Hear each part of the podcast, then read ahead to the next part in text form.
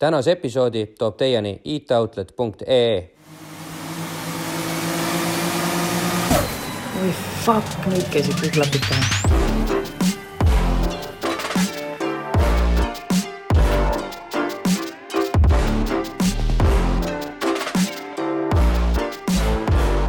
nii, tervitused Tartust jälle.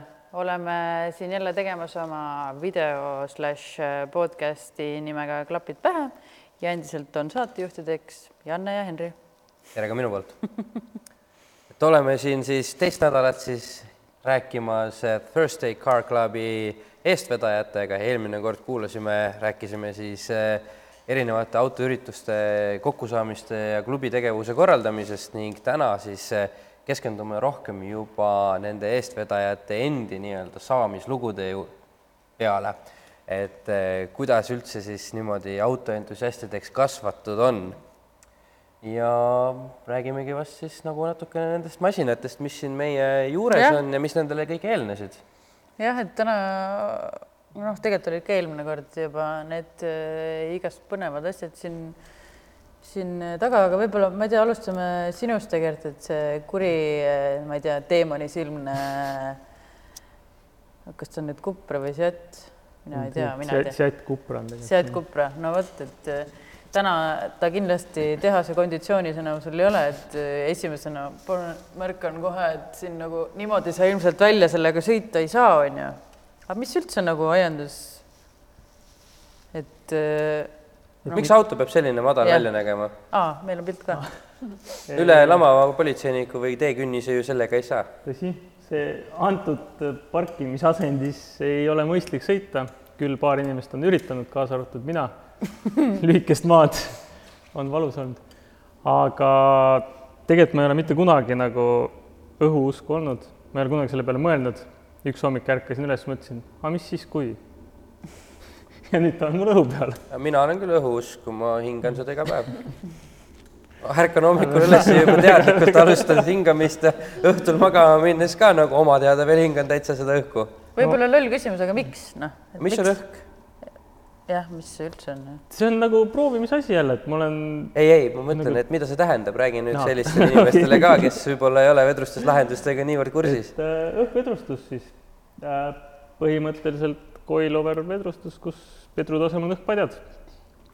Kuidas see erineb näiteks sellest, et kui sa lähed esindusse ja ostad endale uue mingi ma ei tea, Audi Q7, mis tuleb ka üldiselt õhu peale, et äh, kas sinu süsteem on nagu sarnane kuidagipidi või on see pigem erinev teile sellest? noh, eks ta selles suhtes on sarnane, et natukene saab ülespoole, palju saab allapoole lasta, pigem on ikkagi show lahendus, aga kuna mul on niisugune kurvi võtmisauto ja sõitmisauto, siis mul läks sinna ka ikkagi reguleeritavad coiloverid, ehk siis äh, on ikkagi jätkuvalt kurvi sõitmisauto, aga muuhulgas saab ka peaaegu kõhu peale lasta, et nagu näituse jaoks edistada. kas tal on siis mingi vedru ka päriselt või on ainult õhkpadi? ainult õhkpadi on vedru asemel.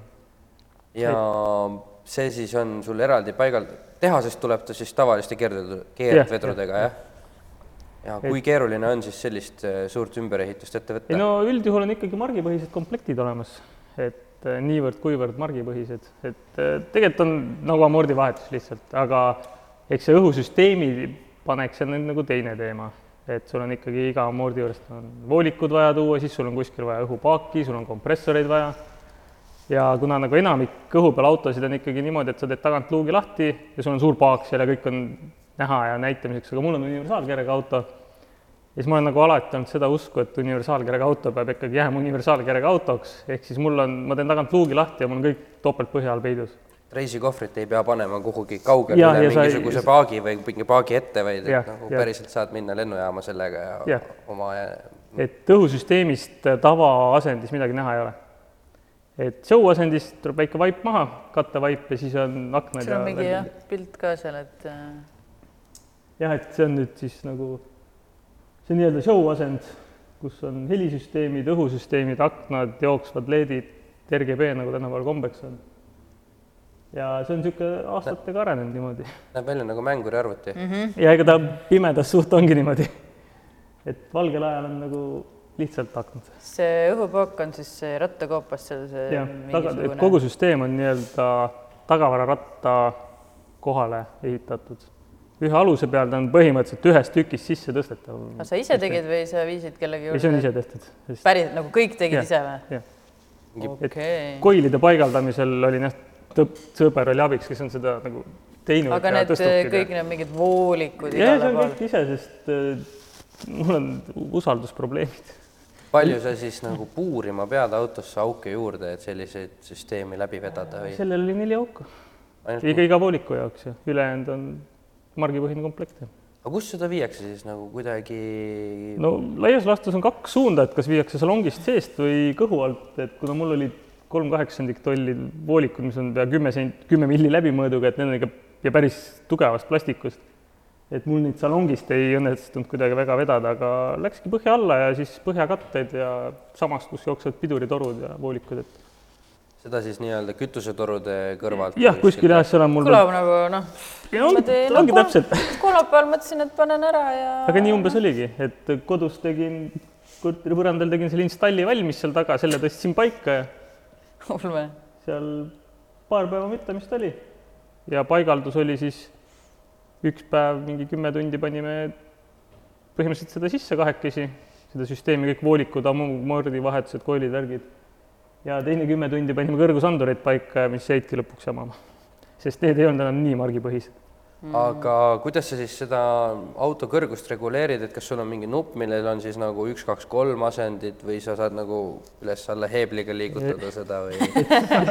see on nüüd jah, natukene nagu moodsam, nagu tegelikult vist tänapäeval peaaegu kõik juba on, et niisugune äh, telefonist natuke väiksema kujuga pult, kus on ekraan, näitab kogu aeg iga nurga rõhku, viis presetti ehk siis eelseadistatud kõrgust rõhu järgi.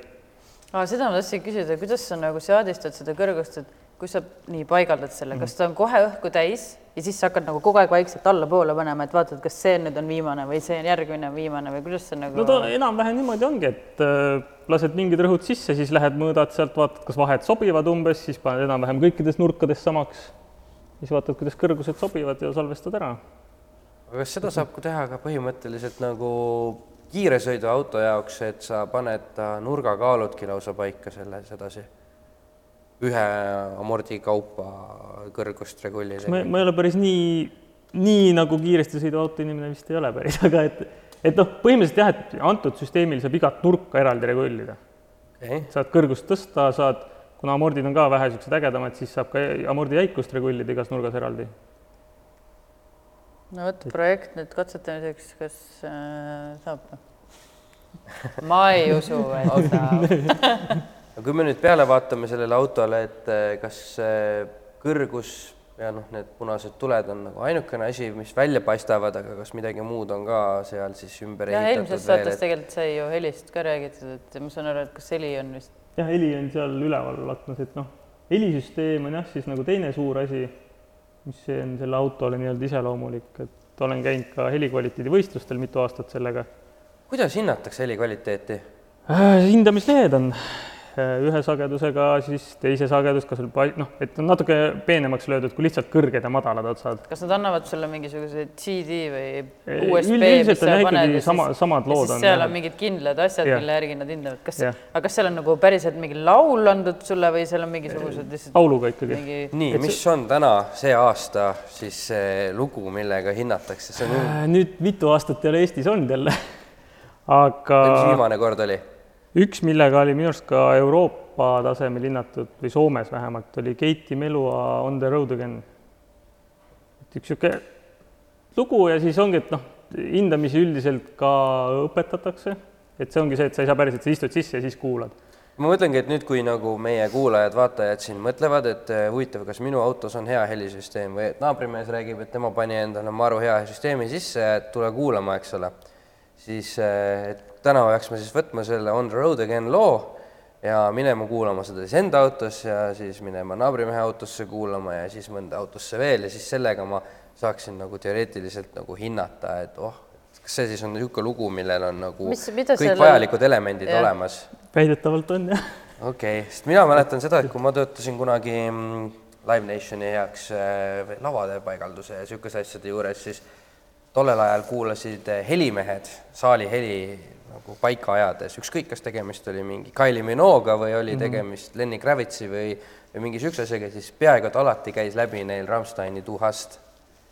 lihtsalt seal olid ilmselt ka kõik Ja need sagedused olemas, mis ajasid kas saali kajama või mürtsuma ja noh, et nagu kõik niisugused asjad olid nagu paigas, et siis täna on ilmselt siis, või noh, siis kui sina viimati käisid sellisel võistlusel, oli siis see lugu, jah? Nojah, siin mingid niisugused äh, teatud lood on, mida kuulatakse, et äh, mina ise olen võib-olla veits vähe teistsugusemat muusikat kuulaks isegi, et äh, mina ajan just taga ka niisugust hästi palju dünaamikat ja vokaali. et, et sul oleks samamoodi on ikkagi madal ots olemas, sul on kõrge ots, hästi niisugune särav kõrge ots olemas, aga samas ta ei pea igas loos olema jälle, et olenevalt lugudest. kas sa selle heli tegid ka ise?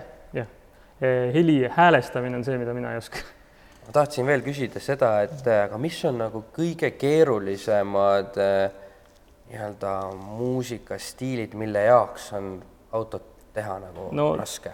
tegelikult peab, korralik süsteem peab kõike mängima.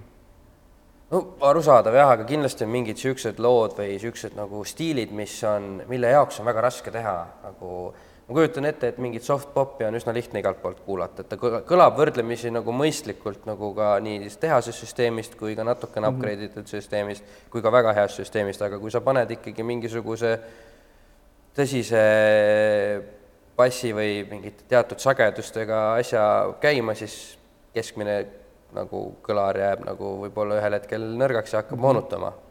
Et, et, et mis on No- selline kõige keerulisem muusikastiil, võib-olla millega nagu ma arvan, et ei saa võib-olla päris muusikastiili järgi seda võtta.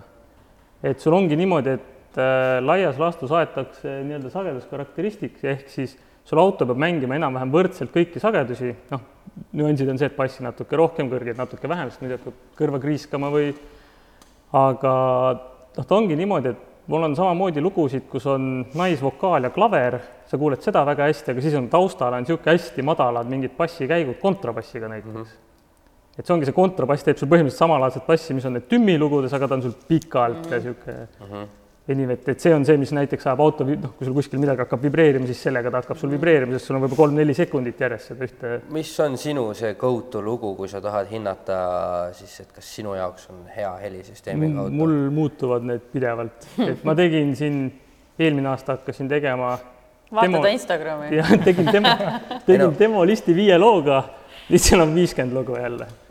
Et ongi, ma noh, pidevalt otsin uut muusikat ja siis saadki mingeid ägedaid eks see esitajaid. on õige ka, sest need on kõik ju omamoodi erinevad, et, vaata, et siis just, et otsidki midagi niisugust, mida pole midagi enne üldse kuulnud, et nüüd viimasel ajal ma olen avastanud näiteks prantsuskeelset muusikat. ja seda vokaali on nii äge kuulata. jah, seal on natukene niisugused nagu kurguhääled. ja, ja, ja täpselt, need tulevad nii põnevalt välja seal nagu. Jah, ei oska nagu Ja- ja, ja sellel aastal said sa nüüd siis ka Tali-, Tartu Motorshow'l äh, Best Tuning ühes katego-, ühes kategooriatest ka esikoha, eks teise ole? koha. teise koha. see aasta sain teise, eelmine aasta sain esimene. mis puudu jäi võidust? ei tea, kas auto muutus selle aasta jooksul oluliselt või? Ta nüüd oluliselt just muutus, aga eks siin tuli asju ikka juurde. mis vahepeal muutus üldse? mida sa üldse nagu aastast aastasse nokid sellega teha, et ta on ju minu arust, ma vaatan peale, minu arust jumala ma valmis ei tea, kas jah, et mis siin veel teha saab nagu. ei no need asjad, pisiasjad tulevadki täpselt nagu 3D prinditud märgid on, siis on need mingid, sai märgid ehk siis see kupramärk seal ees, jah? esiembleem ees ja taga on samamoodi, siis need punased päevasõidutuled sai lisatud näiteks nüüd hiljuti. Tegelikult päris suured visuaalsed muutused, jah, need on küll just. kuigi noh, noh, detailid. samas näiteks see- siis salongis on nii-öelda see tähistaevas. see oli ka, tuli mõte Aliekspressist seitsekümmend euri kitt, kaks õhtut paigas. kurat, sulle nagu tundub nagu kõik näeb nii easy välja, ma ei tea, kui ma tegema hakkaks, mul vist võtaks ikka kõva mingi ei no nädal ongi, aega. kõ- kõigepealt tulebki tegema hakata. ilmselt kui kolm korda närvi vahepeal ühe tunni jooksul ja ei no see, ega ma ei väida, et ma ei lähe. mitu korda sa oled midagi katki löönud? Ei Nagu ma, ma, vihastab, selle, mina ma selles nagu- suhtes ei vihasta, aga need igast polstri kinnitusklambreid ja asju, neid aga on palju neid katki on läinud, igasuguseid neid tüübleid ikka lõpu, lõputult. sul on neid või karp kodus olemas mul nagu? viimane kord või üks nendest kümnest viimasest korrast, et ostsin uued klambrid, nüüd on kõik korras, lükkasin uksepaneeli paika ja siis jäi üks pistik seest ühendamata. palju tavaliselt siis puruks läheb, kui sa jälle no ega mõned lähevad, et mul on seal igasuguseid erilahendusi olnud, et noh, seal on lihtne, sa lased printerisse uue tüübli välja. päris nii ei ole, aga no tegelikult neid on odavam osta. aga samamoodi mingi Aliekspressi tüüblid odavalt olid osta, aga mingeid rante ei ole kasutud, kasutada ei saa oota, mis mõttes no rente? mi- mingi rant, mis peab kinni hoidma, seda oli Aa. natukene vähem, kui pidi olema ja kinni ei võta ja lükkad sisse ja tuleb popsti välja tagasi, kui vähe pinge taga ja siis läksid ikka, aga samas need tavaklambrid ei maksa ka midagi, mingi paarkümmend senti tükk ja kuidas sa eristad see, seda, noh, kui sa tahad osta endale, ütleme nii, et meil siin mõni vaataja, kuulaja võtab, otsustab, et ta tahab endal polstri ära võtta ja tagasi külge panna, mis iganes põhjusel ja tahab osta neid klambreid, on ju. siis mille, on mingi, kas on mingid indikaatorid ka, mille järgi valida selliseid tükk, selliseid jubinaid, et noh, et, et sa kohe näed ära, et ah, see ei kõlba kuhugi või pigem on see ikkagi see, loodad parimat ja tellid midagi? pigem umbes nii jah, et noh, kui mul need klambrid kohal olid, siis sa paned selle originaali ja teise kõrvuti, siis vaatad, ahah, seal on jah, väiksed ripikesed on puudu. aga nüüd, kui sa hakkad seda ostma alguses, siis sa noh, pildi pealt ei saa aru nagu sellest üks asi on see jah, ja teine, et sa võib-olla ei oska vaadatagi, sa ei oska otsidagi seda no see ei tule probleemi. sulle peale, et seal mingi asi enne kui sa saad aru, et ahah, et Jaa, siin on probleem nüüd. aga nagu kuhu edasi? Ma ei tea, selles suhtes põhjavalgustus võib-olla see on see on nagu lihtsalt see on nagu sihuke- lihtsalt lahendatav. et- aga sul äh, mingisugune mürasummutus äh, No- matid või asjad on ka autos või? jah, selle, selles suhtes, et helisüsteemiga seotud on mul kõik uksed lahti käinud, kõik salongi sisu on mm. välja käinud, kõik rattakoopad. mis sul lagi on, mis sul ainuke, ei ole, aa, ma tahtsin küsida, et lagi on ainuke, mis ei ole saanud otseselt seda töötlust, sest seal ma nagu ei tunne, et seda nagu otseselt vaja oleks. Kõik tagaluugid, koopad seest, väljast, huvitav, et selles mõttes mina panoraamklaasiga katusel näiteks äh, sõitsin maanteele ja oli seal avatud, Janne ütles kõrvalt, et kuule, müra on päris suur, lasin kinni katuse ja või no selle katte ette ja läks kohe vaiksemaks ei ta võib vabalt olla niimoodi, et kui ma lükkaks sinna selle mati alla, see on korras, aga just selle laepolstri mahavõtmine on nii hirmus tegevus. See on üks murdumine ja siis see murdejoon jääb sinna igavesti sisse. see on jah, ma tean ühte kogemust, kus oma endise ülemuse auto saatsin sõprade juurde, et noh, et nad paigaldavad neid isolatsioone väga palju igapäevaselt ja siis, et ja siis ta nagu viskas nalja neile, et noh, ärge seda, vaadake, et seda laepolstri terveks jätate, onju. noh, mis juhtus? pididki uue tellima. see on jah, selles suhtes on et noh, ka jälle kogemus, et see ongi niisugune ebameeldiv jah, mina ka ei tahaks seda ära võtta. Et see, sellega võib nagu veidi nihu minna jah Jah. aga igasugused rattakoba rehvi seest ka on pandud või? ei rehvi, ei, sinna ei ole jõudnud veel. aga ma olen kuulnud, et pidi aitama päris hästi. jaa, aitab musjuures jah, et mul on no, uued rehvid tulevad uue loa ajal, et No on hea, võimalus. siis e- isegi nii palju, kui ma tean, see ei maksa nagu ka, see on mingi mõttetu raha, mis mul sinna on, sai siin, mingi materjali panevad sinna summutusmatid. jah, raskeks ei tee või? No see kaal See nagu küll midagi ei nii- sul seal. oo, kiiresõiduautol on meeletu vahe, kui sa ei no selles suhtes ta ei, vedustamata massi no hakkad sa, sa ei panegi niisugust asja, sa ei panegi omale kiiresõiduautole, ma arvan No selles suhtes, et ta ei- ta ei ole mul nagu- ta ei ole mul nagu nii kiiresõiduauto, sest äh, noh, näiteks kui ma velgi valisin, siis ma otsisin disaini, mitte et nad oleks ülikerged mm.. et kui mul oli nagu disain meeldis rohkem kui ülikerge velg, siis ma pigem võtsin disaini, sest võrreldes, et palju ma nüüd sõidan autoga niisama ringi ja palju mul seda vedrustavat massi on vaja mis ta on, esivedu või nelivedu või? esivedu, sest siis ei olnud veel nelikut olemas Cupral ja ta on mingi kakssada kakskümmend kilovatti või? originaalis. jah, originaalis ma mõtlengi. kakssada kolmteist oli originaal jah, no täitsa piisav nüüd tegelikult. on natukene rohkem. juhtub, eks ole, natukene hingamine no aga- paraneb no ilm aga- läheb jahedamaks, siis tuleb just, jõudu juurde tavaliselt. aga see, ei no ta noh, vaata iga asi, tuled annavad natuke kilovatte juurde. Leegid on puudu. veel. jah, selles suhtes, et katt segab. aga ei noh, kui on nelik nüüd olemas, siis ongi selles mõttes, et kui siit see pisu täis, saab kuskile edasi minna. ma arvan, et kui piisavalt suured leegid tekitada, siis see katt varsti ei sega enam. ja see, et ta just äh, jah, sulle Siis- sobib ka, sul näeb ta niisugune teemonlik välja, et need leegid oleks nagu seal hea show ei element. mõelnud, et leeke sinna ei tule, et sinna võib tulla küll niisugune üsna silmapaistev räpp kunagi. kunagi, et räpp, See, et mida- äh, liht, lihtsalt et leegid külje peale nagu, ja neid just, et, et nagu lihtsalt värvivahetust sealt kindlasti ei tule. et kui siis midagi kui siis juba midagi niisugust, et rohkem silma jääks. jah, eks see must, noh, sa tead isegi, et mis rõõm on musta värvi küll. omada, onju. Mm, õige nurga alt tuleb pildistada ja siis on nii puhas. jah, ja head töötused peale sinna Jah, pärast, et läigiks palju, aga jah. aga võib-olla nüüd selle auto juurest liigume nüüd natukene naiselikuma energia juurde. tõesti, meil on siin äh, Keidil isegi kaks autot äh, mõlemad niisugused kenad naiselikud. ja mõlemad äh, Vaagist mm. -hmm. kas sul on mingi eelistus äh, nendega? Ei ole, mulle lihtsalt meeldivad äh, kupeekerega autod ja, ja sellised äh, natukene sportlikumad ja pisikesed on ju. et Okei, ja te- need on, need on väga head esindajad sellele. TT on nagu sihuke, ma ei saa öelda tavaline, aga noh, kui me võrdleme neid kahte siin, siis noh, Corrado on kindlasti sihuke auto, mis, mis tekitab rohkem küsimusi, et nagu miks kas üks on igapäevaauto ja teine on siis nagu hobiauto? ja TT on igapäevaauto. Normaalne ju igapäevaautona. ei muidugi on, minu arust ka mm. -hmm. ideaalne talveks, ja siis Ed? ideaalne talveks ka.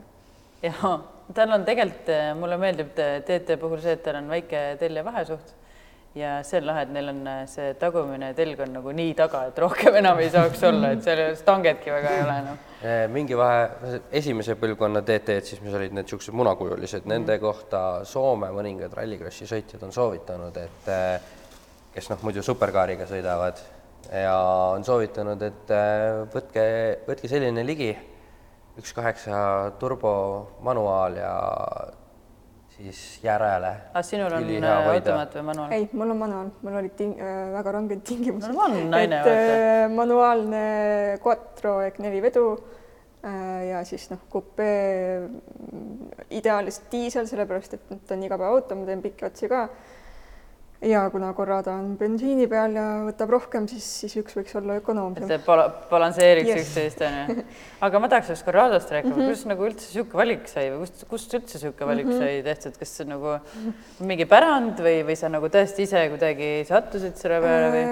Ütleme nii, et mul ei ole väga pikka ajalugu sellega, et äh, ma olin teda kuskil näinud kellegi hoovis mingis suht armetus seisus, aga ma ei mäleta, et mul oleks sealt ta nagu niimoodi meelde jäänud, et oh, see on see, mida ma tahan. tegelikult äh, ma arvan, mis otsustavaks oli see mootor, mis seal on, seal on äh, kaks üheksa VR6 mootor ja, ja see on mulle jäänud äh, ajaloost meeldima nii et, nii et see oli see, mida, mille pärast ma ta ostsin, kui ta oleks olnud muu mootoriga, ma ei oleks ostnud seda. see oli Jah, siis tehases see mootor juba peal? Egert siin enne, enne seda salvestust eh, ka mainis, et see VR6 vist ei ole nagu väga selle Corrado peal tehasest nagu väga tavaline selles mõttes, et Äh, ta ei ole kõige tavalisem jah mm. -hmm. et äh, seal on, on see G kuuskümmend on kompressoriga variant, siis on veel mingid ja siis on kaks kaheksa VR6 ja kaks üheksa VR6. et see viimane variant on, on rariteetsem. Ta on siis mis aastast nüüd pärit? üheksakümmend neli on see. ma olen nagu aru saanud, et eh, nii sinu lugude ja, ja piltide põhjalt, et et sa oled nagu päris palju ise seal kruttinud ja näppinud ja poleerinud ja lihvinud ja ma ei tea, mis sa kõike seal oled teinud, onju. no veel parem, väga hea seda pilt. päris poleerimiseks ei nimeta. kui siis poleerib põranda ära niimoodi lausa. Äh, jah, sellega oli nii, et kui ma ta ostsin kaks tuhat seitseteist, siis äh, mõte oli kohe, et äh, ma tahan seda ise teha, kui mul, kui mul äh, see võimalus avaneb ja sõitsin ma temaga kolm aastat, nii nagu ta oli, sai oma hooldusi, ainult suviti muidugi, noh, selles suhtes soojal hooajal mm. -hmm. ja, ja kaks tuhat kakskümmend kevadel avanes siis võimalus kasutada garaaži ja, ja siis plaks hakkasin tegema nii et ei mingit ettevalmistust endale ega midagi. hirmus ei olnud või noh, selles mõttes, et ma ise mõtlen, et naisterahva jaoks, et noh, maailm hakkab sind nagunii judge ima, et noh, või noh, kuidagi nagu mm, metallitöö oli ennem võõras. ta on praegu ka võõras. ma proovisin, sõber keevitas ja, ja tegi keretööd, siis metallitööd, aga noh, mul on selle autoga alati olnud see, et ma tahaks ise kõike proovida mm. -hmm. ja siis ma ütlesingi talle, et ma tahaks keevitamist proovida. ei no muidugi, aga enda auto peal on kõige lihtsam ka proovida, sest noh, et ainult siis sa saad süüdistada pärast ennast või nagu valesti on nii et üks detail seal on minu äh, punktitud seda pidi tegema üle muidugi see ei olnud on nii lihtne, kui ma arvasin. ma omast kogemusest küll lohutaksin, et äh, autoplekki ehk siis õhukest plekki ongi maru raske alguses keevitada, et äh, nii-öelda kahte vinkelrauda, mingit kolme-nelja millimeetrist kokku siristada on kordades lihtsam kui ilusat keevisjoont teha mingisuguse millisele plekile. aga kas see on päris noh, no ma ei tea, see on ikka väga laiali võetud auto, et nagu Jaa, komplekteerimisega tegelesid ka ise või? Äh, ma võtsin ta täiesti ise laiali, ma tegin kõik äh, siis värvimise eeltööd ise. Äh, ehk siis jah, kuni, kuni tõesti viisingi ta kambrisse, et palun värvige mulle see auto ära. kõik see eelnevad tööd siis tegin ise, noh, keretööd on ju, käisid keevituses. kaua Aga- see protsess aega võttis? pool aastat. jumala kiiresti. üsna, arvestades, et ma ei ole ju õppinud, ma ei No ole mõtlengi juures, et- ma õppisin tegemise käigus kõike, kõik tutvused tulid tegemise käigus et noh, kuuled siin, Et- kuidas mõned ehitavad noh, mitu aastat oma autot, noh, ma mõtlen just nagu sellisest, et noh, et jõuda värvimiseni, et kõik mm -hmm. see mul oli eelis selle, kui seda nimetada eeliseks äh, ma olin äh, enam-vähem võõras garaažis, mitte enda garaažis onju. nii et aeg pressis peale, ma pidin ikkagi talveks vabaks saama selle. noh, siis et- oli hea mott nagu peal selle Iga oli, õhtu oli aga sisustatud. endal oligi terve see suvi, kevad, sügis, kõik, mis seal oli. ära ei väsinud vahepeal, et noh, et nad ei jaksa minna Äh, oli ikka, aga need olid need momendid, kui ei tohigi minna. peadki võtma selle aja enda jaoks, et äh, Muidu kaob mott ära, kui lähed- vägisi mott lähed, kaob onju. ära, lähed kergelt närvi, mis iganes kõik asjad, et midagi tuleb välja. parem lihtsalt äh, ära tee. nojah, puhkad ära ja siis oled jälle värske ja tuleb uus.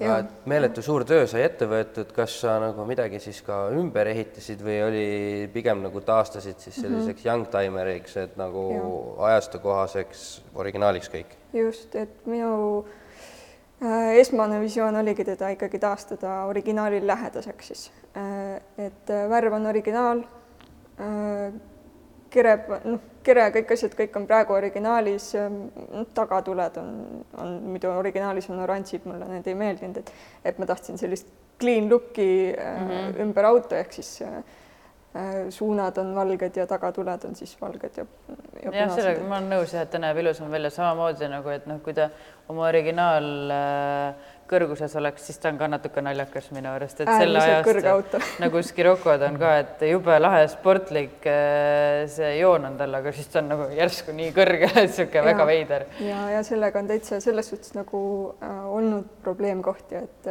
et äh, isegi kui ma lasen ta madalaks, siis ta keskelt on ikkagi nii tobedalt kõrge, et, et mul ei ole varianti, kui ma tulevikus tahan teda madalamaks veel saada, siis äh, pean panema need kerelaiendid ja asjad või noh, küljelaiendid ja asjad, et et saada seda madalamat Aa, ilmet, sest äh, füüsiliselt Jah. ma ei saa minna lihtsalt äh, palju väiksemad madalamaks. äh, väljad aitavad ka kaasa. Äh, tal on nii suured koopad, et ma, no mulle meeldivad siis rohkem lasedki madalamaks, väiksema väljaga saad lasta madalamaks tegelikult. ja, ja see on ka mul mõttes, et, et need on Kui need valikud, suured? milleni ma pean veel jõudma. kui suured need on? seitseteist. ostad need, mis need Teddy, kes see teeb neid, Ronald, Ronald või Roland? Ronald, Ronald Edid, jah. jah, ja noh, ajastu truu on niisugune neliteist tolli näiteks ja No sa see sa on vaatad, ei no kui sa vaatad tolleaegseid võidusõiduautosid, ka golfid ja niisugused masinad, eks ole, siis need näevad hästi madalad välja. ja No noh, nad on ka muidugi madalad, aga see neljateisttolline ratas teeb nadki mm -hmm. üsna madalaks. see on natuke liiga väike minu arust, siis ta on nagu teistmoodi veider, et ma võib-olla tolli jah, tolli nagu või paar kannatab nagu rohkem, ma sealt küll nagu vähemaks ei lähe, siis ta on nagu veider. kuusteist on minimaalne. jah, aga muidugi ma ei tea, kui noh, pidurid ja kettad, et kuidas tal, mis tal originaalis on üldse, et mahub tal üldse väga väike olla või? Tead, ega ma ise ei ole alla, alla kuueteistkümne vaata. nii et äh, on teatud piirid, millest ma üle ei lähe. aga kui see nii-öelda madalamaks laskmine on siis ära tehtud, kas siis võib öelda, et see auto on valmis? ei nii kiire, nii kiire vastus oli praegu. äh, etapp selline üks on valmis äh, ehk siis äh, saada need keretööd tehtud ja see esimene selline jah, selline clean puhas look äh, või välimus. ja, ja nüüd äh, siis ma võtsin sellise aastakese natuke peale nii-öelda puhkust kogu sellest Nautimisaega. ehitusprotsessist ja asjast ja nüüd juba hakkavad mõtted liikuma jälle nii, mis äh, mõte liigub siis? Tead, õhuteema mulle on ilgelt juba ammu meeldinud, nii et ja kuna ma ei saa teda nagu mm, selles olekus siis madalamaks lasta, staatiliselt nii-öelda või ei tule see sõna praegu meelde et, et aga see õhuefekt mulle juba nii hullult meeldib ja, ja see aitaks nagu kaasa ka sellele, et saab madalamaks. filmilik niisugune saabumine, et jõuad kohale, siis auto madalaks. ja, ja noh, selliselt autolt ei oota ka ilmselt sellist asja väga, et. ja Eestis kindlasti ja, mitte. ja siis äh, mingisugune helisüsteem kindlasti tuleb luua, see on praegu nagu tegemata, juhtmed see on veetud, helisa- jah, kahe päevaga teeb ära siin. helisolatsioon on, on veetud ja, ja juhtmed on veetud ja et äh, kõik valmidus on olemas. aga sees salongis äh, sul on originaalsel äh, sisu või? see on kõik originaal ja, ja kõik on terve, et seda ei taha välja vahetada või kuidas sellega on? Äh, eks ta on päevinenud selles suhtes juhist ikka, et need mm -hmm. küljepadjad ja asjad, mis äh, kui ma ei eksi, kuluvad. siis tolleaegsetel Volkswagenitel, eriti niisugustel nagu vähe, vähekene kähkusõidu variantidel on päris head istmed tehasest juba sees. Need on väga mõnusad ja korvistmed laadsed ikkagi, nad Just, ikkagi hea. kallistavad ja, ja nahksisu, mis ei ole ka väga nüüd levinud, et, ja ei ole tõesti jah.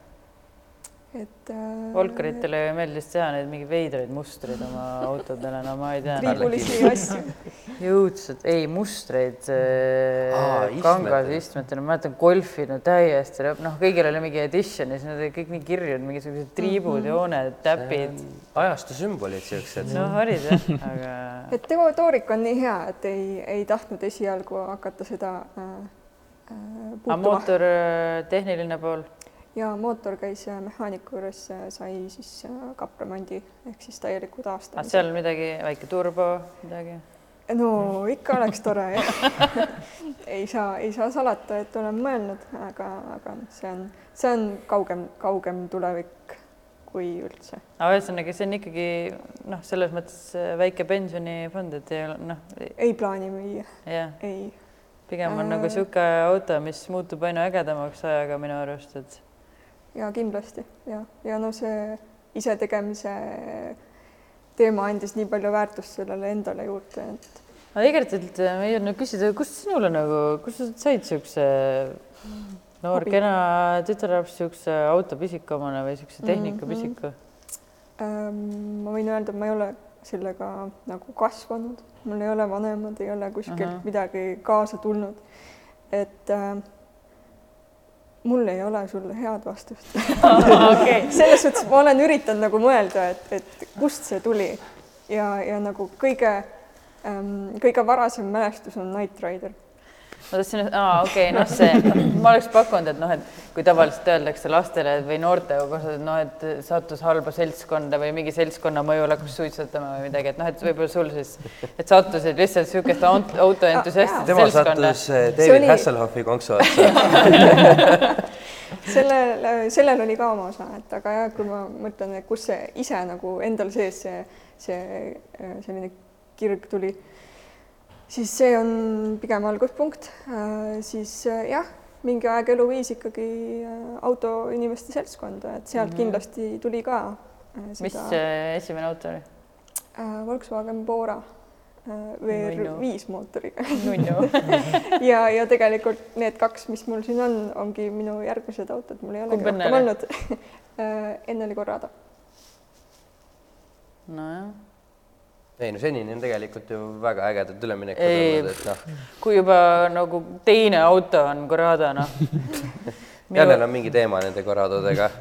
ei, mitte Corrado, iga Skiro, minul on, minul on nagu Scirocco endal, aga noh, selles mõttes, et ega nad nüüd nii palju erinevad ei ole, et nad äh, disainilt on pigem sarnasemad ja, ja ikkagi ühe, ütleme niimoodi, et noh, tegelikult Corrado oligi Scirocco järelkäija, millest tuli Corrado ja siis tuli uuesti Scirocco nüüd uus on ju, et, et need on nii-öelda üks, peaks olema üks mudel, aga noh, ei ole on ju aga kuule, ma enne ei jõudnud küsida, et kus nagu sina said autopisiku, et mul on nagu alati huvitanud, et kuidas inimesteni jõuab niisugune tehnikahuvi. sinu puhul võib öelda lausa kus- tehnikahuvi, sest noh no- sul see heli ja ma ei Ja tea, sinna tehnika- õhku toppisid ise. ja tehnikahuvi on ikkagi lapsest saati. Et kõik see elektroonika ja arvutid ja värgid, aga noh, lihtsalt kannangi kogu seda asja omale autosse üle.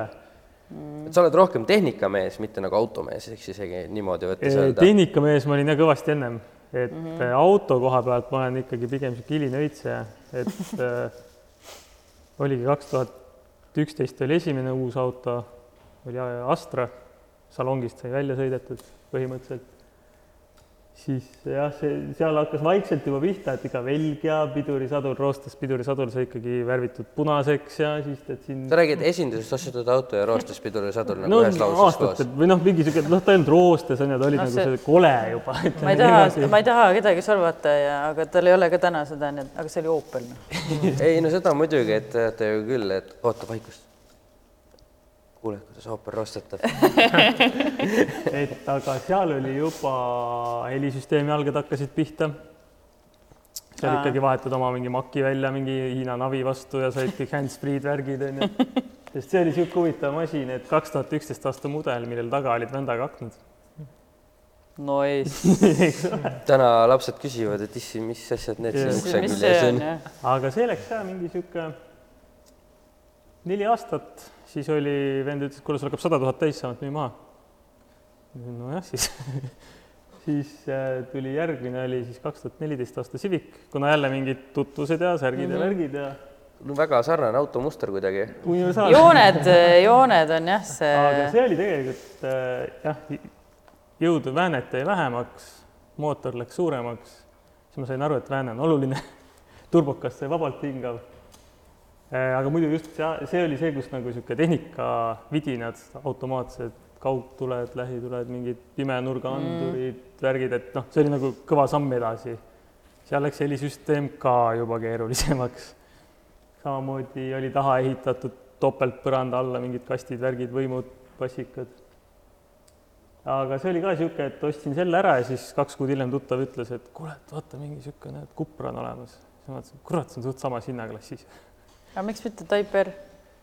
no see enam ei ole samas hinnaklassis vist. Ei või? Type R on äh, luukpära. Focus. RS on luukpära, Golf R on luukpära ja kõik ma on ei kallimad. usu, et see. tagumikud on lühikesed neil. ja kõik on, Cupra oli ainuke, okei okay,, ei mingid tahtnud Golf, R-i sul oli mingit pagasiruumi vaja või? ma olen universaali usku. aa, selles mõttes, okei ma okay.. olen vedanud sellesama Cupraga nii madratseid kui külmkappe. jah, mida tõesti luukpäraga hästi ei tee nagu jah. Või kuumpäraga. jah, et mis asi see kuum Hot hatch, kuumpära. et äh, ma noh, ma olin hullult, tegelikult see hakkas mind kummitama ja siis ma käisin vaatamas ja siis käisin esinduses ja ja siis, kui ma Tartu esindus ütles, et nemad ei saa mulle proovisõitu pakkuda, et mine Tallinnasse või Pärnusse. ja siis, kui ma Tallinnas ära või Tartus ära käisin, Pärnusse käisin ära seda proovisõitu tegemas, siis oli kutupiilu seis siis hakkas veel rohkem kummitama, sest see oli ikkagi põhimõtteliselt äh, väändes läksin kolm korda peaaegu edasi, jõu kilovatis läksin kaks korda. ja noh, see es esmamulje, mis seal oli ikkagi. see auto juba rebis rooli sul käes, kui sa rebi. vajutad gaasi põhja. kusjuures ei rebi, sellel on tark tihver. et äh, kui jah, esimese foori alla või esimene möödasõit sai tehtud niimoodi, et vaatasin, et noh, seitsmekümne pealt vajutasin nagu ikka vajutasin, aga siis sada nelikümmend oli kuskil kõrval. Siis kui esinduse inimene oli kõrval, siis ma vaatasin, oih. et siis ma sain aru, et on... siis tema sai aru, et no nii, müüdud mees. ei, No rohkem ei pea edasi tegema. ma ei ostnud sealt, sest Lähme tagasi salongi. siis ma läksin koju ära ja siis muidugi jah, läks edasi ja siis kaks tuhat kuusteist aastal täpselt sünnipäeval tegin, allkirjastasin ostu-müügilepingu esindusest või tellimuslepingu õigemini. Ja mõtlesin, et noh, ostan võimsa auto, siis ei pea tuunima hakkama. Little did he know siis kõik alles algab. ja nii, nii see läks. huvitav, et autofoorumid on rohkem nagu täis neid inimesi, kes ostavad kõige võimsama variandi ja siis hakkavad peale keerama, et sa nagu üldse ei mõelnud, et võiks nagu lugeda või? ei, ei, ma ei, nagu ei eeldanud jaa, selles suhtes, et alg-, esimene aasta ma sõitsin muidugi stokina, siis oli nagu, et mõtlesin, et noh, ma ei lähe. garantiiaeg ja puha. ei, ei, see, aga teine aasta, noh, kui esinduses sõitsin reedesel päeval välja, siis pühapäeval lõikasin taga mingit, tegin klaasfiibervormi passika kasti jaoks, sest kahe kuu pärast oli helivõistlusele vaja minna. et garantii on jah, selles suhtes, pidas ilusti garantii aja vastu. esimene aasta oli stokk. siis üheaastane garantii oli ainult või? ei no tegelikult oli vähe pikem, aga õnneks ei läinud vaja. ei no muidugi, ega mootori, kui sa teed sinna supaka kasti, ega see mootori garantiid ei tohiks ju mõjutada. jah, et muidugi mingi aeg kuskilt esinduse poole pealt, noh, kuna sain ka tuttavaid kupratega, siis üks käis enda kupraga kogu aeg garantii vahet, mina nagu naersin, et mul ei ole midagi. siis kunagi ta oli öelnud, et noh, mul sõbral on ka, ei, seal ei ole midagi originaali nagu. oli olnud umbes esinduse poolt kommentaar. aa, sinu pilt on nagu selles et mõttes selle, jah? selle auto pealt ei saa midagi vaadata nagu. see on siis sama auto, mis täna jah, jah, need on kaks samad. autot. Et tuli esindusest ka white line'iga ehk siis must white line universaal.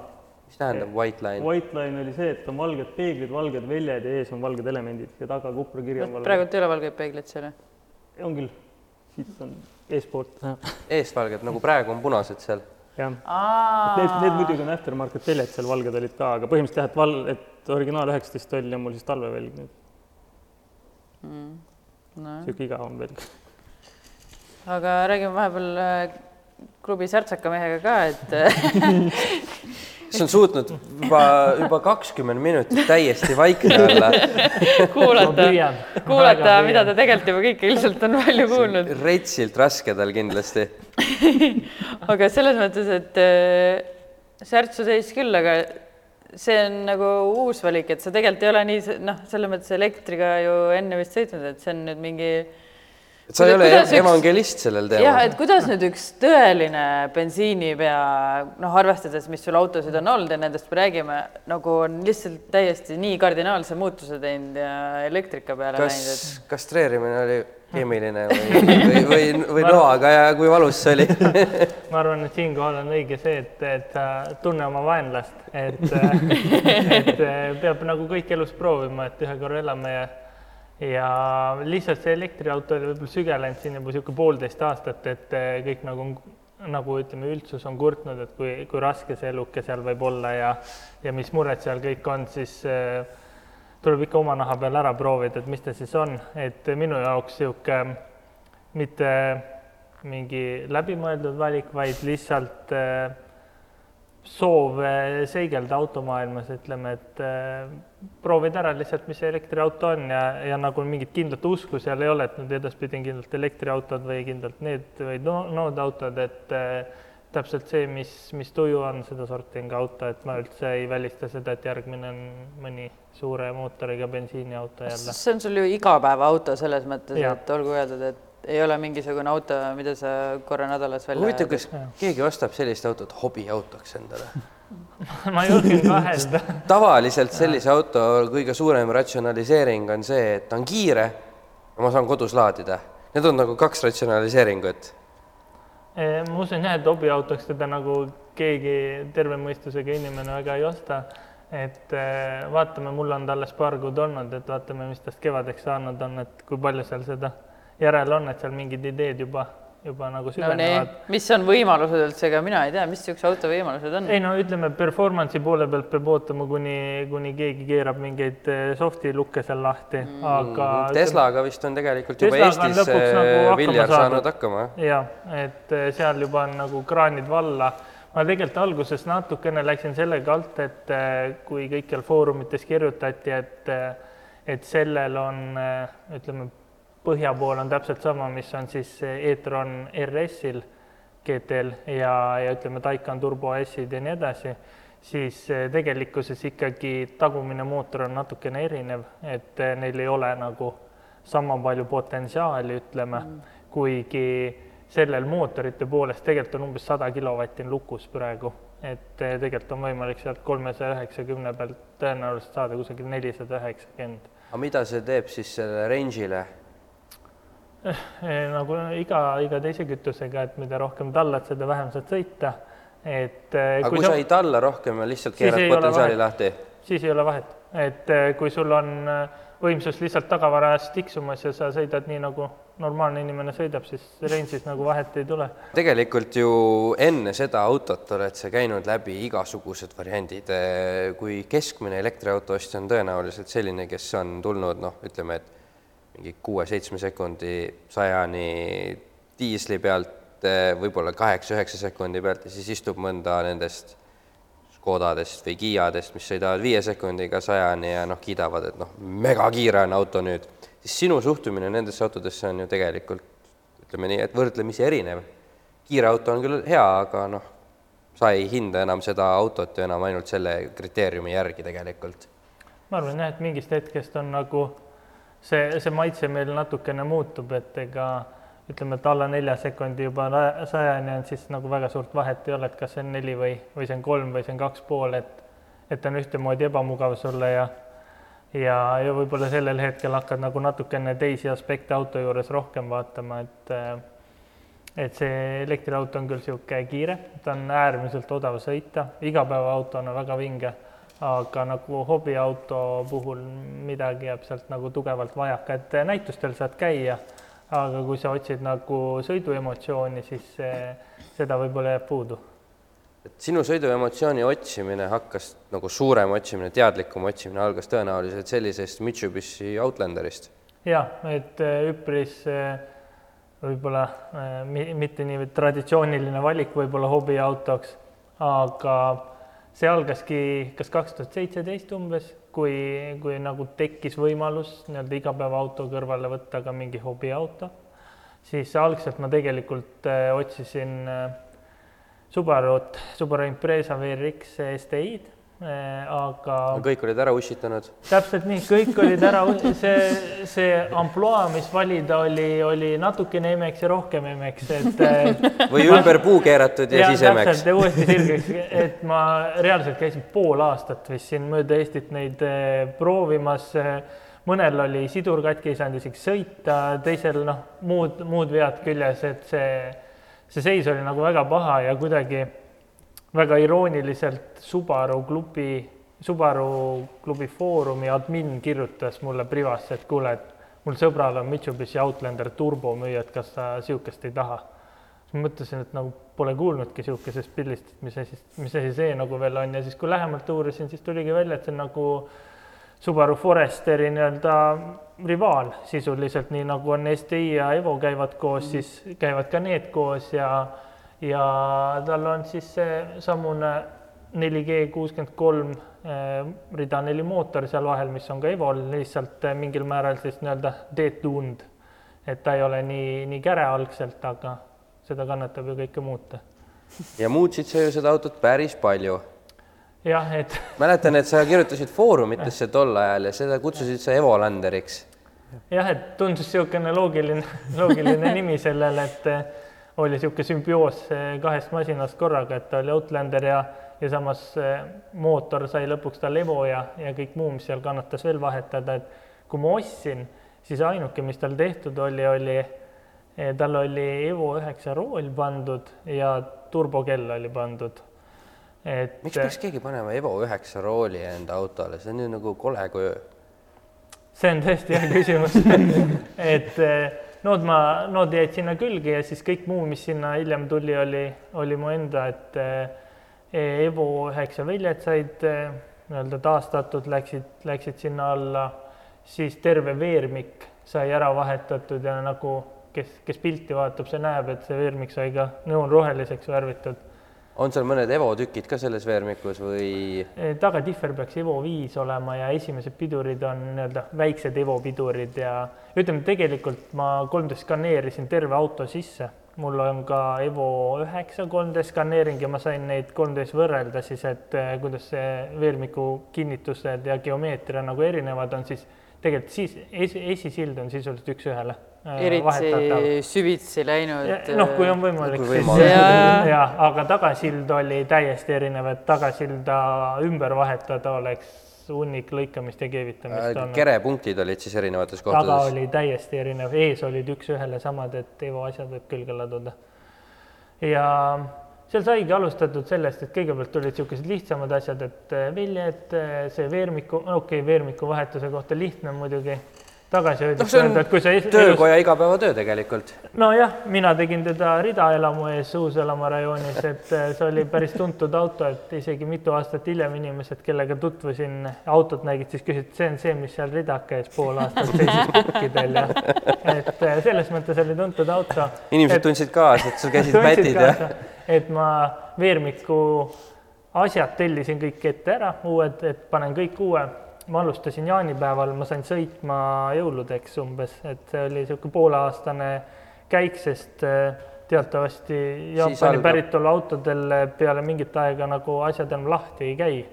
et nad käivad katki ja, ja ära, aga mitte lahti, et siis oli niisugune keerad jälle Bolti katki või poolraami sees midagi tuleb lahti, siis lõikad lõhki, kutsud jälle keevitaja bussiga, keevitaja keevitab kinni, keevitab ees. kinni hmm?. ridaka ees kõik seda. ridaka ees sai kõik tehtud, et äh, naabrid vaatavad, et kas täna lööb jälle välku, ilm oli nii ilus ja väl- väljas välgub ja.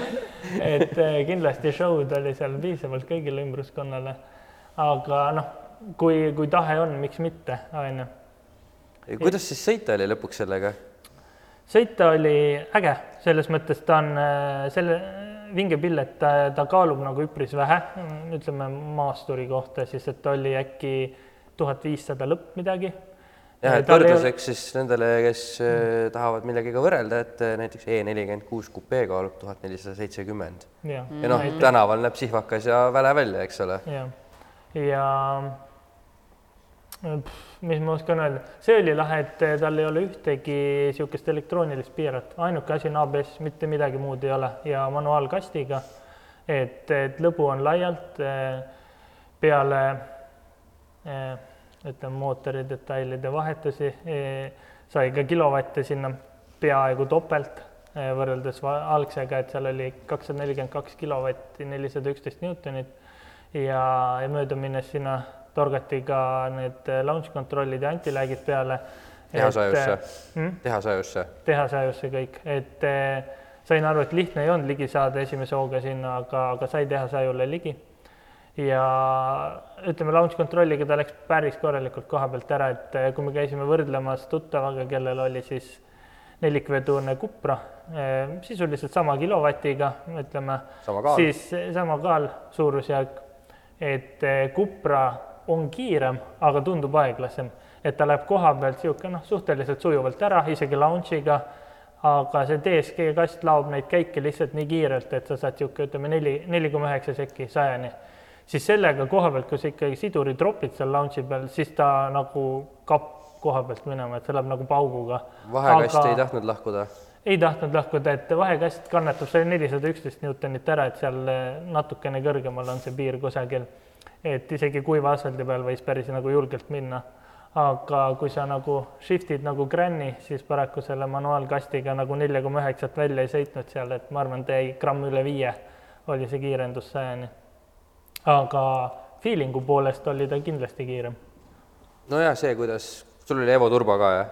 ja Evo üheksa turbo läks. see ju ei ela ju alt otsast nagu absoluutselt, et äh, temal tuli... peab seljas elama. ja et selle natukene see dünaamika läks nagu selles mõttes pahaks, et eh, peale seda suuremat turbot, eh, tal algselt oli väiksem, Evo üheksam oli suurem, siis eh, sajaga, sajaga viienda käiguga oli nagu keeruline sõita, et nagu natuke kiiremini pidi sõitma, sest muidu jõudu oli vähe viienda käigu mm. kohta, et see, see mugavuspiir liikus umbes viisteist kilta tunnis kõrgemale, kui ta oli varem.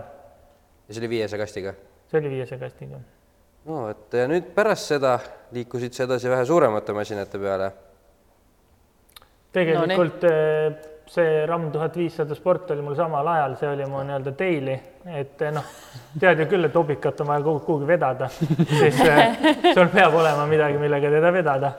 et esimene auto, mis ma nii-öelda oma elus uuena ostsin, ma ütlen kui tahad lihtsalt universaalset autot nagu parim auto ever, et see, et ta kuus meetrit pikk on, ei, ei tasu üldse karta, et eh, pigem sa... on see just turvaline minu arust, et noh, teised on kõik ka. nii palju väiksemad sinust. et eh, linnas väga vabalt saab liigelda, väga hea on rida vahetada, mitte keegi ei taha sinuga vaielda sel teemal. absoluutselt. Eh, ma kujutan ette, et mis sellega, meil oli juba Range Roveriga niimoodi, et kui sa nagu taha, kellelegi noh, saja kümne alast taha jõudsid, siis no ta juba läks eest ära, et noh, sellega on kindlasti ammugi niimoodi. selge oli see, et kui ta muidu sind ennem tähele ei pannud, kui sa tõmbasid korraks täistuled peale, siis inimesed olid õhus kraavi keerama, et eest ära saaks. et eh, kusjuures tuled olid tal ka, ta on eh, teistest omajagu ju kõrgem mm -hmm. ja kui sa sõidad kellelegi suhteliselt taga, siis eh, kurdeti, et alati nagu prožektorid on peeglis, sest isegi see lähituli, ta paistab nii kõrgelt sulle sinna peeglisse, et ta hakkab pimestama. väga hea ei tasu muned ees. Täpselt nii on. see RAM on küll üks, üks auto, mis ma tahan, ma olen juba mõelnud, et peaks rohkem tööd tegema hakkama, et saaks nagu talveks omale osta RAM-i, et noh, et, et Challengeriga ma talvel ei sõida, et aga ilgelt tahaks omale, et eh, ma vahepeal isegi vaatasin, et eh, noh, kui ma otsisin autot ja Challenger ei olnud, et siis nagu korra juba mõtlesin, okei okay,, et noh, et vahe, vahe, vahepeatuseks võiks osta, et see on äge jah et äh, ma ütlen nii-öelda allrounder'ina väga-väga universaalne pill, et äh, aga kuidas talvel sõita sellega on nagu? jumalast okei okay et äh, suva, kui tee läheb, kui, suva on kui nagu mõttes, kõige õigem kui, öelda, kui, et- kui tee läheb kurviga ja sina lähed otse, siis ega väga vahet siis ei ole. tee lähebki otse. teed teed, et läheb otse. ja, ja paljud nagu kardavad seda, et oh, et see viis-seitse mootor ja palju kütti võtab ja nii edasi, aga noh, enamikel rammimeestel ikkagi on see LPG gaas seal peal mm., et äh, mäletan tol ajal, noh, ma ei tea, mis see LPG praegu nüüd maksab, võib-olla natuke kallim, aga tol ajal tuli, minul oli, ma sõitsin temaga kas seitsekümmend seitse tuhat kahe aastaga ja minul tuli keskmiselt üheksa euri sada kilomeetrit. et see on siis praeguses mõistes, sul peaks neli pool sajale võtma mingi auto, et saada sama nagu kulu kätte. noh, täna ta võt-, noh, täna rahaliselt ilmselt võtab natukene kallim, isegi kui me ütleme kaksteist, siis ikkagi sul on kaksteist euri sada kilomeetrit, sul on kolmsada, kakssada üheksakümmend viis kilovatti, väga suur auto, kuhu sa võid tonni kasti panna, kolm pool taha, ta ei joobin rahvast sisse ja sul on ikka veel mõnus sõita. aga kuidas igasugu manti vedada on sellega, et sa noh, ei taha päris salongi jätta asju, et siis on sul, viskad kasti või? jah, Kasti kastil oli kate peal, mul oli seal kahte erinevat sorti, üks oli see klapitav, teine oli niisugune nagu ütleme, haagistel tavaline niisugune suur kaan. et eh, mõlemal olid omad plussid ja miinused nüüd lähed ülikonnaga, paned läpaka kotti sinna ühe korra pidurdad, see on seal kuskil kaugel, siis ronid talvel kõhuli ülikonnaga sinna peale, oled üleni. korraks kiirendad, siis on kõik uuesti tagasi ja vaatad, et ei ole et enne, lugu. enne koju jõudmist või enne tööle jõudmist pead korraks gaasi oma tänava otsast korra kiirendad niimoodi. et eh, selles mõttes eh, ma olen nõus, et mõnevõrra on see kast ebamugav, kui sul on vaja niisuguseid siis suuri asju transportida, mis on kas üks kõrged, sellepärast et tavaline universaal on oluliselt mm. kõrgem, kui on kast, kui sul on kate peal, et kõrged asjad ei mahu. ja aga teine sama hästi ta on nagu sedaan, ega sa sedaaniga ka ei saa ju kõrgeid ütleme selles mõttes on ta sedaani sarnane aga sedaaniga ei teki ka ideed, et ma pean nojah, vedama. sellega sul on nagu, mul on Miinus kasti oli- auto on ju. miinus oli võib-olla see, et mul oli vaja niisugust ütleme, tehnikat vedada temaga, elektroonilist tehnikat, ütleme seadmeid ja ja talvel on nagu kehva, et nad on nagu Mm. välitemperatuuri käes, et autos sees hoiab nagu sooja paremini, et mingi väike väljas- puhur sinna see. aga selleks oli tegelikult rohi olemas ju. jah, alati saab lahendada, et eh, kuidagi, kuidagi juhtus nii, et, et sai nii see Evolander kui RAM üks hetkel ära müüdud ja ja tundus nagu mõistlik lahendus, siis Jeep Trackhawk. See on hästi mõistlik auto, kui me räägime mõistlikust. räägi korraks meie kuulajatele-vaatajatele, mida see Trackhawk endast siis nagu sisaldab, et Jeep Grand Cherokee'd me oleme kõik tänaval näinud hästi palju kordi. jah, et eh, see on ühtlasi ka natukene nii miinus kui pluss võib-olla, et ta näeb välja nagu tavaline Cherokee, aga aga mootoriks on siis kuus koma kaks liitrit superchargeriga V kaheksa ja, ja seitsesada hobujõudu, et viissada, viissada kakskümmend kolm kilovatti vist oli ta mõistlik igapäevaauto. nii-öelda arvel, et eh, see on tõesti tä- täpselt nii, nagu need numbrid ütlevad, täpselt nii metsik ta on ka, et et eh, kui seal nagu track mode peale panna, siis vist oli kaheksakümmend prossa jõudu taha, kakskümmend ette, et sisuliselt siis nelisada kilovatti taharattasse ja, ja sada kilovatti ette, et eh, et väga niisugune mänguline auto, et eh, ma arvan, et üks väheseid maastureid, mis kuivalt koha pealt minnes saab kõik neli ratast ringi niimoodi, et suitsuvili on ütle taga. ausalt, kas oli vahel hirmus ka sõita või?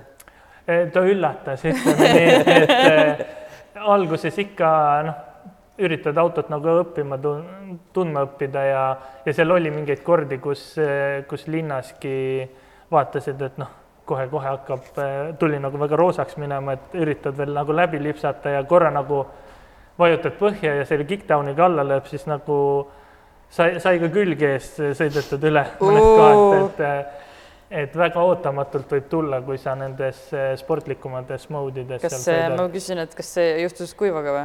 ei, see, need ütleme, kaks meeldejäävamat korda olid eh, märjaga, aga saab saan veel kuivaga ka hakkama, et nii kui sul on nagu natukenegi ratas kuhugi välja keeratud ja sa järsemalt vajutad, siis ta ikkagi driftipill ühesõnaga ju. ja vägagi mitu sekundit sajani see on umbes?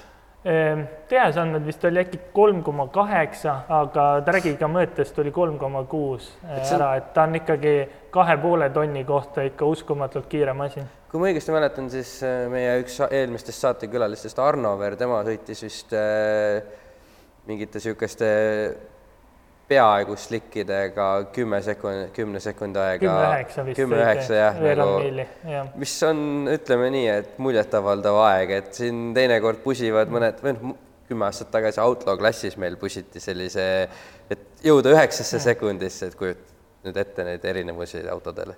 tundub äh, igati mõistlik auto, et hommikul saab äh, lapsed kiirelt lasteaeda ja, ja ise tööle, et ja, ja ma naeran kogu aeg, et kui noh, oksekotid kätte ja keegi, keegi küsib, et miks sa siukse auto ostsid ja siis ma ütlen ka, et noh, aga noh, et ühelt töölt on ju vaja kiirelt teisele tööle jõuda, on. ja noh, ma ei tea, korra elame, et äh, võiks ju elada täisväärtuslikku elu ja miks äh, maha müüsid siis? tegelikult eh, sellest on võib-olla kõige rohkem kahju, et see auto sai ära müüdud, et seal lihtsalt juhtus niimoodi, et et tuli keegi tuli, lõi inimene, rahaga laiaks või? tuli inimene, kellel oli kindel huvi seda autot osta, kelle nii-öelda pakutud hind oli enam-vähem see, mis ma eeldasin, et ma tõesti saan ja ja tundus mõistlik valik tol hetkel ta nagu ära müüa, et ma ise oleks tahtnud teda veel niisugune pool aastat hoida vähemalt, et et ta oligi mõeldud nagu niisugune et ennem kui elektriautot proovida, et siis proovime siis selle full dinosauruse ära, et nagu täiesti kaks erinevat äärmust ja, ja täpselt nii nad on ka, et need on nagu kaks erinevat äärmust, et kui kuigi paberil on nad samad, kaks kuigi pool tonni, kolm koma mõlemad midagi samas sajani. kaaluklassis, noh, võimsuse vahe natuke on, ütleme selle kasuks,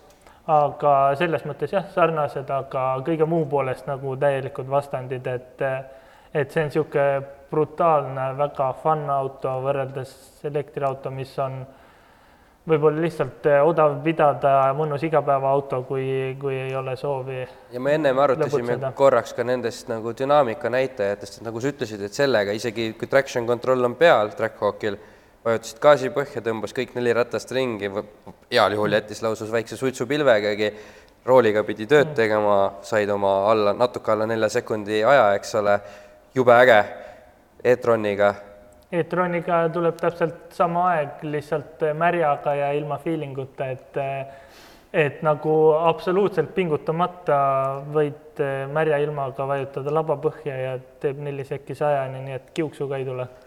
jah, ja siis samas paraku see- mõtled, et tegelikult ei viitsi, eks ole, et noh, pole nagu vaja, on ju. täpselt esimesed kolm korda on fun, et peale seda nagu tunned, et midagi võiks veel olla.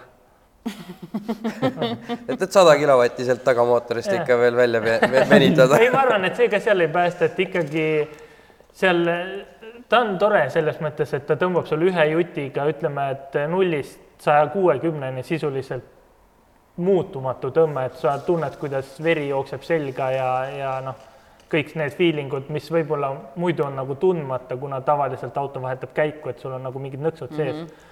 aga, aga see täpselt nii ongi, et eh, need on esimesed korrad lahe, peale seda nagu kaob natuke see feeling ära, et niisugune Trackhawkiga, sellega on see iga kord sellega hakkab jalg värisema, kui sa, kui sa lähed üle pika aja rooli, eks ole. kahtlemata, et eh, sellega on lihtsam eksida. aga tegelikult oled sa meile siin niisuguseks nagu vihjeks andnud mõned, mõningad pildid ju tegelikult veel.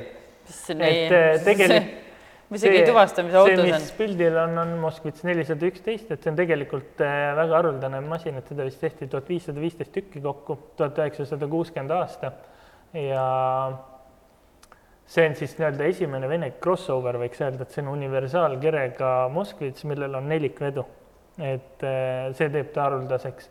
aga mis seos sinuga on? see on eh, nüüd uus projekt? ütleme, et kui, kui Tulevik. rääkida sellest, et kus minu autohuvi algas, siis minul nagu selles mõttes valikut ei ole antud.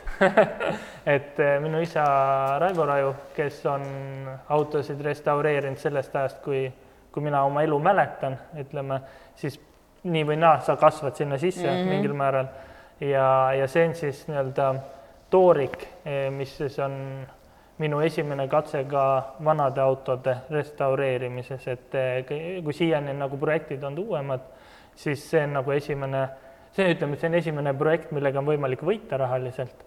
nii, aga kus see lõppfaas on? eh, lõppfaas on see praegu, et eh, valmis on eh, kogu alumine osa. ühesõnaga ta tegelikult on, ta, sa veel teed, tegeled sellega? see on tegemises auto Aa. praegu, et eh, siin on küll väike paus sisse tulnud, kuna garaažile ei ole ligipääsu linnas siin, aga praegu on nii palju tehtud, et veermiku pool on kõik tehtud. ütleme, rattad on olemas, mootor on valmis, et praegu on keretööd teha ja nii-öelda assembly kokku panna. et keretöid paraku on seal äh, palju teha, kuna mm -hmm. keegi ennem on juba üritanud teha, aga Oi, kellegi tööd üle teha on liikus vales suunas väga, et, äh, et seal tuleb palju üle teha. aga sellest äh, noh, kui tavaliselt autoprojekt on see, et ostad viiega, paned kümme sisse ja müüd kolmega, siis eh, see on nagu niisugune, mis kindlasti oma väärtuses kasvab ma oluliselt. arvan küll jah, tõenäoliselt küll, sest noh, neid niisamagi kui. Venemaa turg avaneb. jah, et see on- USA po- sinna lääne suunas ilmselt neid eh, väga jah, suurt huvi ei eh, pa- väga niisugune spetsiifiline masin mm. -hmm. kindlasti, aga noh, see ei olegi miski, mida iial müüa plaaniks, et, et see on, et nii nagu isa on kõik oma autod alles hoidnud, mida ma arvan, praegu on julge kakskümmend viis pluss, siis noh, see on täpselt samamoodi, et ega see kuhugi ei lähe. ja see on ka tegelikult praegugi olemas nii, kas sul on mingi salajane töö, õhtu, õhtune tööots siin, et äh, käid siin et natuke tuleb ikka lisaraha teenida, et, et kuidagi pidi Trackhawki kütus ostma, see on siis märk. praegu maksab võlgasid veel tagasi. kütuse nii-öelda vihikus on veel kirjas mõned read, et tuleb tagasi teenida, et see Merc- Mercury Grand Marquis tuhat üheksasada kaheksakümmend kaheksa äkki oli. et eh, limusiin, see on siis eh, selle keskmise pikkusega, mitte see kõige pikem.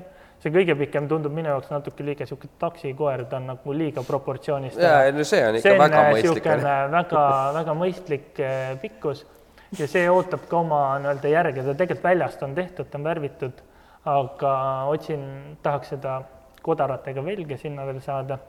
Ja seal tahaks nagu see sisu pool tegemist, aga see on Mhm. miski, millele ei ole raatsinud nagu hetkel panustada rahaliselt, kuna sisu roosa korralik velvet, roosa tegemine velvet, roosa velvet, roosa ei, velvet. no see on ikkagi härrasmeeste auto, et siit, siit tuleb niisugune, kui sa kujutad ette, millega härrasmees sõidab, siis see on härrasmehe auto. seal on Nagu mingid sigari, siga, sigarituhatoosid Heas mõttes, sa mõtled sinna gentleman's baari jah? Gentleman's club'i. vot, et eh, noh, neid, ta on varem töötanud täpselt sellena, mis sa kirjeldasid. et okei, eh, selge. siis seal et- praegu on roosa samet sees. ei, seal ei ole roosa, aga, aga noh, rendimasinaid tol ajal väga ei hoitud, vaata, et siis seal Ja, on ja. nagu palju tegemist, et seal katuse nahk tahaks vahetamist ja sisu tahaks nagu uuendust, aga aga kui sa kätte said, siis plekid pesid alguses välja kohe ei, need on eh, selle autentsuse huvides on kõik alles. ühesõnaga sinise valgusega ei tasu sinna minna. seal on vist isegi tegelikult sinine valgus sees ka igaks juhuks ei tasu seda põlema panna. see oli limusiini juhile kohe, kohe võtaks kohe puhtaks aga ma saan aru, miks eelmine omanik nad olid ära lõhkunud. et eh, äge ma masin selles mõttes, et viieliitrine mootor, sada kümme kilovatti ja väga-väga mõnus hääl on sõita. aga mis sa nagu selles mõttes on, mõtlesid, et ostan, oh, ostan endale limusiini, tahan olla limusiinijuht või? see on tegelikult äh, natukene sihuke isa, isapoolne pärand mm., et, et see kuidagi sai minule.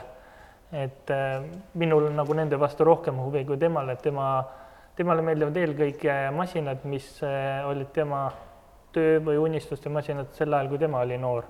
on ju, noh, mina olen üks generatsioon van-, noorem siis ütleme, siis minul on nagu teised huvid. sina kujutad ette, kuidas sõidaks Nakatomi plaza alla? jah, täpselt niimoodi, see on, see on see, mida mina mäletan oma nooruspõlvest ja see on see. kui sa valmis saad, siis sa jääd pea nagu, ei, siis ei olnud Bruce Willis kiilakas. ei olnud veel jah, aga küll jõuab minna, pole lugu. ja et eh, siis limusiinide juurest korraks minnes, see on siis teie mingi hetke klubi autokollektsioon usakate vallas. mööndustega, et Mööndustega. eh, siin on niimoodi, et et Challenger Hellcat, see Charger Scatback ja Trackhawk on nagu meie klubi omad, selle TRX-i ma nagu meelevaldselt lihtsalt helistasin sellele omanikule, kes ei olnud isegi mu tuttav, ütlesin, et me teeme ägedate autodega pilti, et too enda oma ka. ta ise ei saanud tulla, aga ta saatis sõbra, et eh, sihuke, ma ütleks nagu natukene haruldane pilt, et sihukesi masinaid Eestis on vähe, et. niimoodi kokku pandult veel jah, eriti nagu. täpselt, et sihukene komplekt nagu kokku saada, Trackhawki on meil kaks, ma ei tea, palju neid Scatbacke ja Hellcat'e on, et aga ka mitte väga palju rohkem. no Helk Ja-, Helket mõnesi, mõned on küll, jah, aga noh, vähe, noh, aga selles mõttes ikkagi nagu vähe kokkuvõttes. Scatbacki vist motosõjak pidi kuusteist tükki Euroopas olema või kuidas see oli? see oli mingis teatud kombinatsioonis et vist. veidral kombel siin on kõige populaarsem see TRX, mida meil Tartuski on, ma arvan, siin viis tükki vähemalt linna peal ringi sõitmas. et eh, niisugune eh, meeldiv tööauto inimestele. aga kas Jeep Grand Cherokee Trackhawki sai Eestist uuena kosta? see Trackhawk on ainuke Trackhawk, mis iial on Eestist uuena müüdud, et see on United Motorsi poolt müüdud ja, ja peakski olema ainuke, sest teine Trackhawk, mis Eestis on, on välismaalt sisse toodud. Aga noh, ma tean, et neid TRX-e saab lihtsalt uuena osta Need sa lähed Ameerika autosse ja Ameerika Või auto või Beauty'sse. American Beauty mõlemad, ma tegelikult isegi üks hetk nagu sealt eh, neid nillisin, aga siis tuli see Covidi aeg peale ja kuidagi need hinnad tegid eh, tralli seal väga kiirelt, et et ma mäletan, kui esimene jõudis American Beauty'sse, siis äkki neljapäeval mees helistas mulle, et kuule, et kohale tule vaata. Ma jõudsin vist esmaspäeval kohale, siis too oli juba müüdud igal juhul. ja siis järgmine oli äkki juba julge kümme-viisteist tuhat kallim, siis ma vaatasin, et, et see muusika ei ole minu muusika enam, et äh, ja siis kuidagi sattuski, et Track Hawk just tuli müüki äh, oluliselt soodsama hinnaga ja, ja noh, kaua mõtlema ei pidanud, et, et läks kaubaks ära siin pildil on siis kaks tuhat kilovatti niimoodi umbes. Ehm, jah, gramm, gramm vähem tegelikult, aga, aga sinna suurusjärku. ei no ilustame. jah, et eh, ümardame ikka ülesse veidike. jah, et väga-väga vinge sihuke meeskond koos, et, et linna peal niisugune grupp vastu tuleks, oleks kindlasti põnev vaadata ja ka põnev kuulata.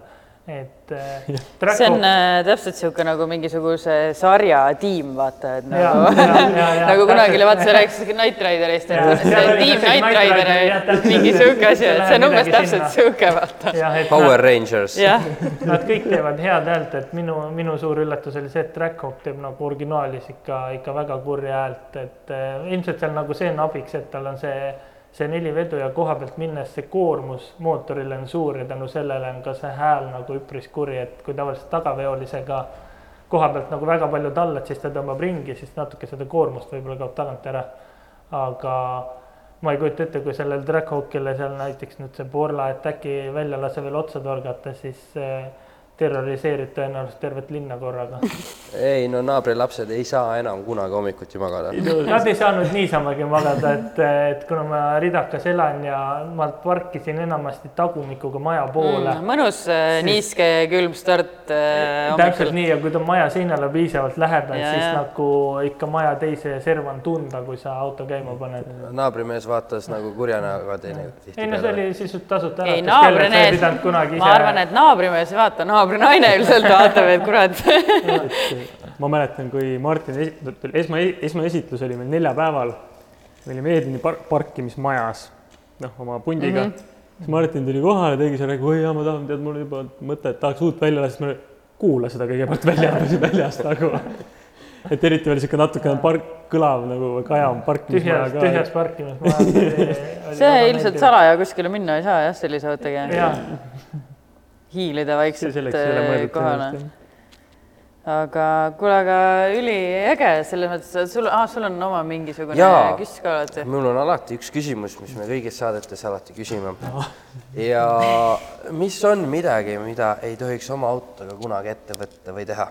jah, teie poolt on võib-olla huvitav kuulata seda vastust, sest ma, ma olen nagu, ma hakkasin enne analüüsima, et päris huvitav, et sihuke väga tehniline mees, siis on sihuke kiire või sihuke performance'it Performance, otsiv mees ja siis on sihuke, kes nagu veits otsib sihukest klassikut või originaalsust, aga et siis nagu vastused on siin kindlasti, ma arvan, nagu ei, ma ma olen, ma olen ka mõelnud selle peale, kui teil seal lõpus küsite, aga mul tuli praegu jõle hea vastus. ära tee seda, mida teised ütlevad, et tee, tee seda, mida sa ise tahad mm. -hmm. et kui öeldakse, et mulle meeldib põhjavalgustus, teised ütlevad nõme on. Siis sina ütled, et vaata Fast and the Furious mees. ei no ongi, et noh, mulle, mulle on öeldud, et kuule, sinu fitment on jama, et sinna väljarandi peale peab, mul on suva see väljarand, ma ei taha oma koopa ääri velgi ära lõhkuda, see ei ole minu teema uh. -huh. et mulle meeldib nii rohkem. mina ütleks, et eh, minul ei ole nagu ühegi stiili vastu midagi, et, et see mitmekesisus on nagu rikastav. et eh, kui öelda, et ära midagi tee, siis äh, ära tee midagi, mis äh, auto vastu nii-öelda pahatahtlik on enda, enda masina puhul, et äh, et püüa nagu hästi hoida ja tee seda, mis endale meeldib, et äh, aga kui tead, kas sa endale. tead, kui hea tunne on BM-il rebida suunatulekank küljest ära? ei ole selle tundega kokku no sattunud vot, mina olen proovinud, see oli väga pahatahtlik auto suhtes, aga väga mõnus tunne. sellel autol ei olnud enam tulesid niikuinii. no see pisiasi. siis pole lugu. Leia ja Keidi, mida ei pea, mida ei tohiks teha? sina kui enda nagu siukse mm,. nurga alt vaadates. mul ei ole tehniliselt ja niimoodi mul ei ole. Ja see ei pea tehniline olema.. ükskõik mis. ma ütleks võib-olla siis niipidi äh, naisterahvana, et kui äh, äh, näed, et sul sõbranna või naine või keegi tunneb huvi autode vastu, siis ära kunagi ütle nagu, et ei, sa ei oska või ei, sa niikuinii ei tea, kuidas sa seda ei tea või mis iganes, kuidas sulle meeldib, mida iganes sellist nagu. ära ole mitte julgustav. ja, et ära või ala Midagi või sellist, jah, et- nagu jah. alahinde või lase ja ära alahinda naist ja seda küll jah, seda ilmselt äh, maailm teeb väga palju.